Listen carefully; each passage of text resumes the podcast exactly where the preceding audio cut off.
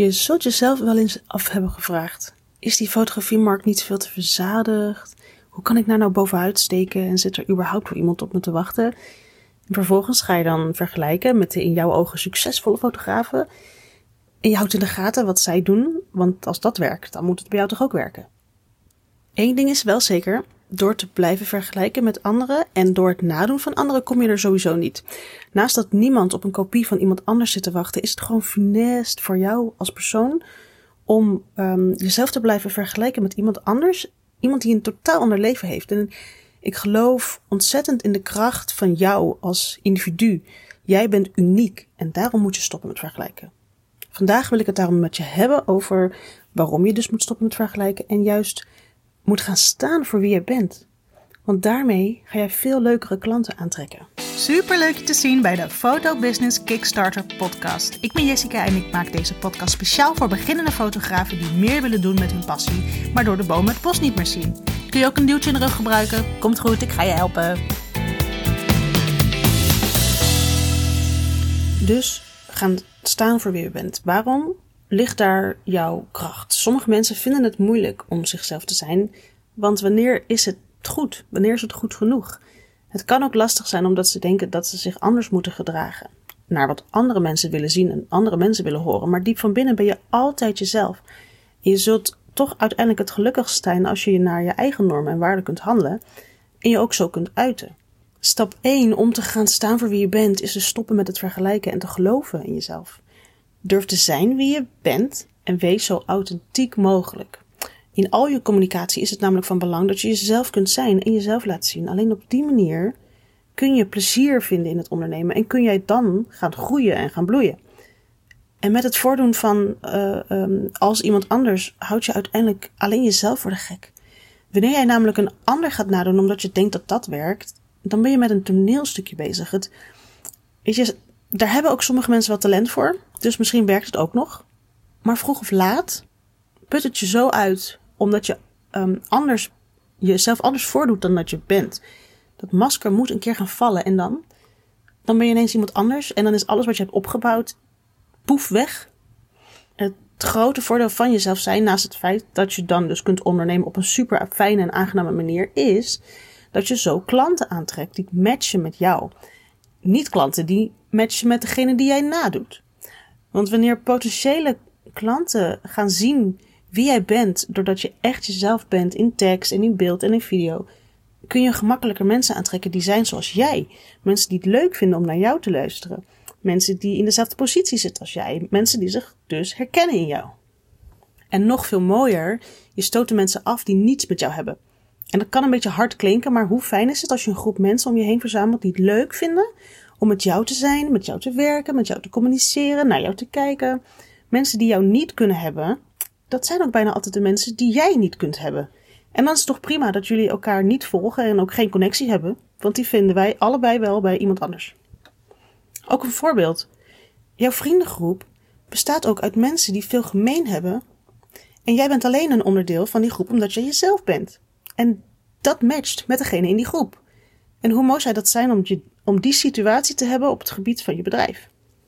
Naast het feit dat je door jezelf te zijn ook mensen dus aantrekt die matchen, is het ook ontzettend belangrijk dat mensen zien met wie ze zaken gaan doen. Klanten geven een bedrag uit en dat kunnen ze maar één keer doen. Dus en daarom is het gewoon belangrijk dat ze je vertrouwen, al voordat ze bij je boeken. Is dat vertrouwen er dan eenmaal, dan voelt het veilig genoeg om jouw klant te worden. En dat vertrouwen bouw je ook op door jezelf te laten zien. Consistente zichtbaarheid op een platform zoals een Instagram laat je klanten met je kennis maken voordat ze dus überhaupt jou in het echt hebben gezien of gesproken. En gebruik daarvoor bijvoorbeeld de Instagram Stories om zichtbaar te zijn. Het kost in het begin wel even tijd en even moeite als je dat dus nog niet deed of doet. Maar zorg dat je het jezelf niet al te moeilijk maakt. Probeer die belemmerende gedachten zoals, oh, wie zit er nou op mij te wachten? En ik vind mijn hoofd niet leuk voor stories en mijn stem is stom. Weet je, probeer die opzij te zetten en probeer het gewoon eens uit. Want het gaat echt werken. Ik bedoel, wat denk je dat ik mijn stem in zo'n podcast heel leuk vond om te luisteren? Ik kan het gewoon nu hebben. Het is gewoon gewenning. En ik hoop dat ik met dit geratel van mij wel een beetje je overtuigd heb dat het belangrijk is. En ik wil je daarna um, wat tips mee geven uh, om jezelf te zijn en om de klanten aan te trekken die dus bij je passen. Nou, de tips zijn bijvoorbeeld: zorg dat je je Instagram stories echt gaat inzetten om jezelf te laten zien. Een voorbeeld, draag jij nooit make-up, maar ga je voor je stories je ineens opmaken? Dat is gewoon behoorlijk fake. En daarnaast, mensen leren je dan kennen via Instagram met make-up. En dan gaan ze bij je boeken. En dan heb je tijdens die shoot, dan zie je er heel anders uit. Die verwachtingen komen dan totaal niet uit. En ik heb het dan nu over iets super simpels als make-up, om het gewoon even concreet te maken. Maar je kunt hier gewoon eigenlijk elk ander onderwerp uh, op invullen. Vervolgens zorg ook af en toe dat je een foto van jezelf plaatst met meer informatie, over jou in jouw feed op Instagram. Je ziet wel eens dat um, een foto met bijvoorbeeld tien weetjes over mij of iets wat je nog niet wist of uh, hoe, hoe ben ik begonnen met fotograferen en meer uitleg waarom je doet wat je doet. Nou ja, je kunt daar ontzettend veel tekst bij verzinnen, wat ook misschien moeilijk is, maar zet even die deur open en ga gewoon even brainstormen over wat je kunt vertellen over jezelf. En ik weet uit ervaring van zowel mezelf als van eigenlijk alle andere fotografen dat de posts met een foto plus verhaal van jezelf, die scoren altijd ontzettend goed. En dat komt gewoon simpelweg omdat mensen het leuk vinden om jou te zien. Wie is dat bedrijf met die, met die, met die fotoshoots? Daar zit maar één persoon achter en dat ben jij.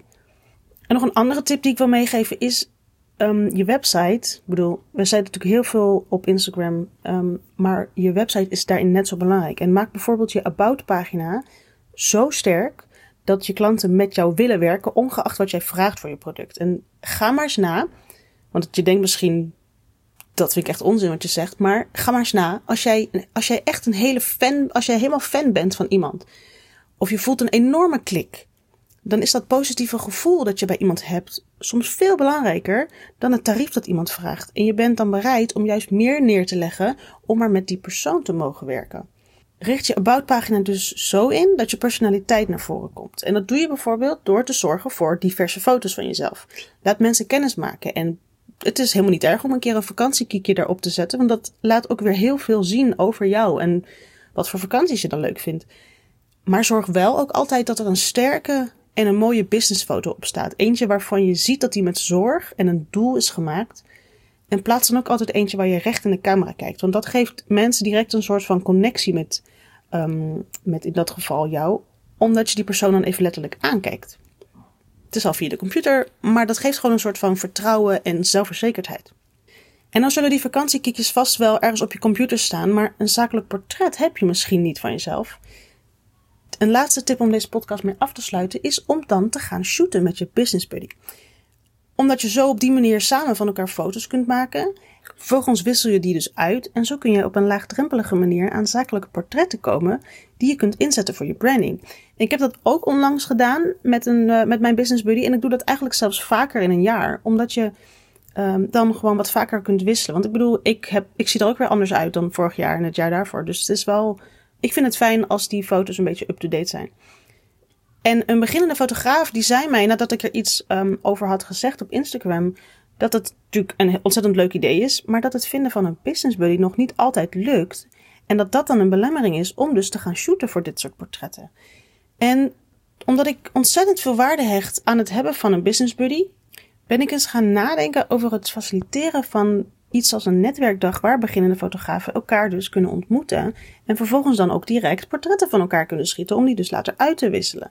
En toen heb ik dit even gepeld um, op Instagram en ik kreeg enorm veel positieve reacties. En ik vond dat, dat ging echt een vuurtje aan. Ik dacht van, oh, dat lijkt me echt zo tof om te mogen faciliteren voor die groep. En ik besloot toen wat lijntjes uit te zetten en dat resulteert al in het feit dat ik dus nu bezig ben met twee netwerkdagen voor fotografen. En ik ben super enthousiast erover, omdat we op op een vrij simpele manier zo um, een groep fotografen kunnen voorzien van een netwerk waar ze zoveel waarde uit gaan halen. En ten tijde van het opnemen van deze podcast is nog lang niet alles concreet.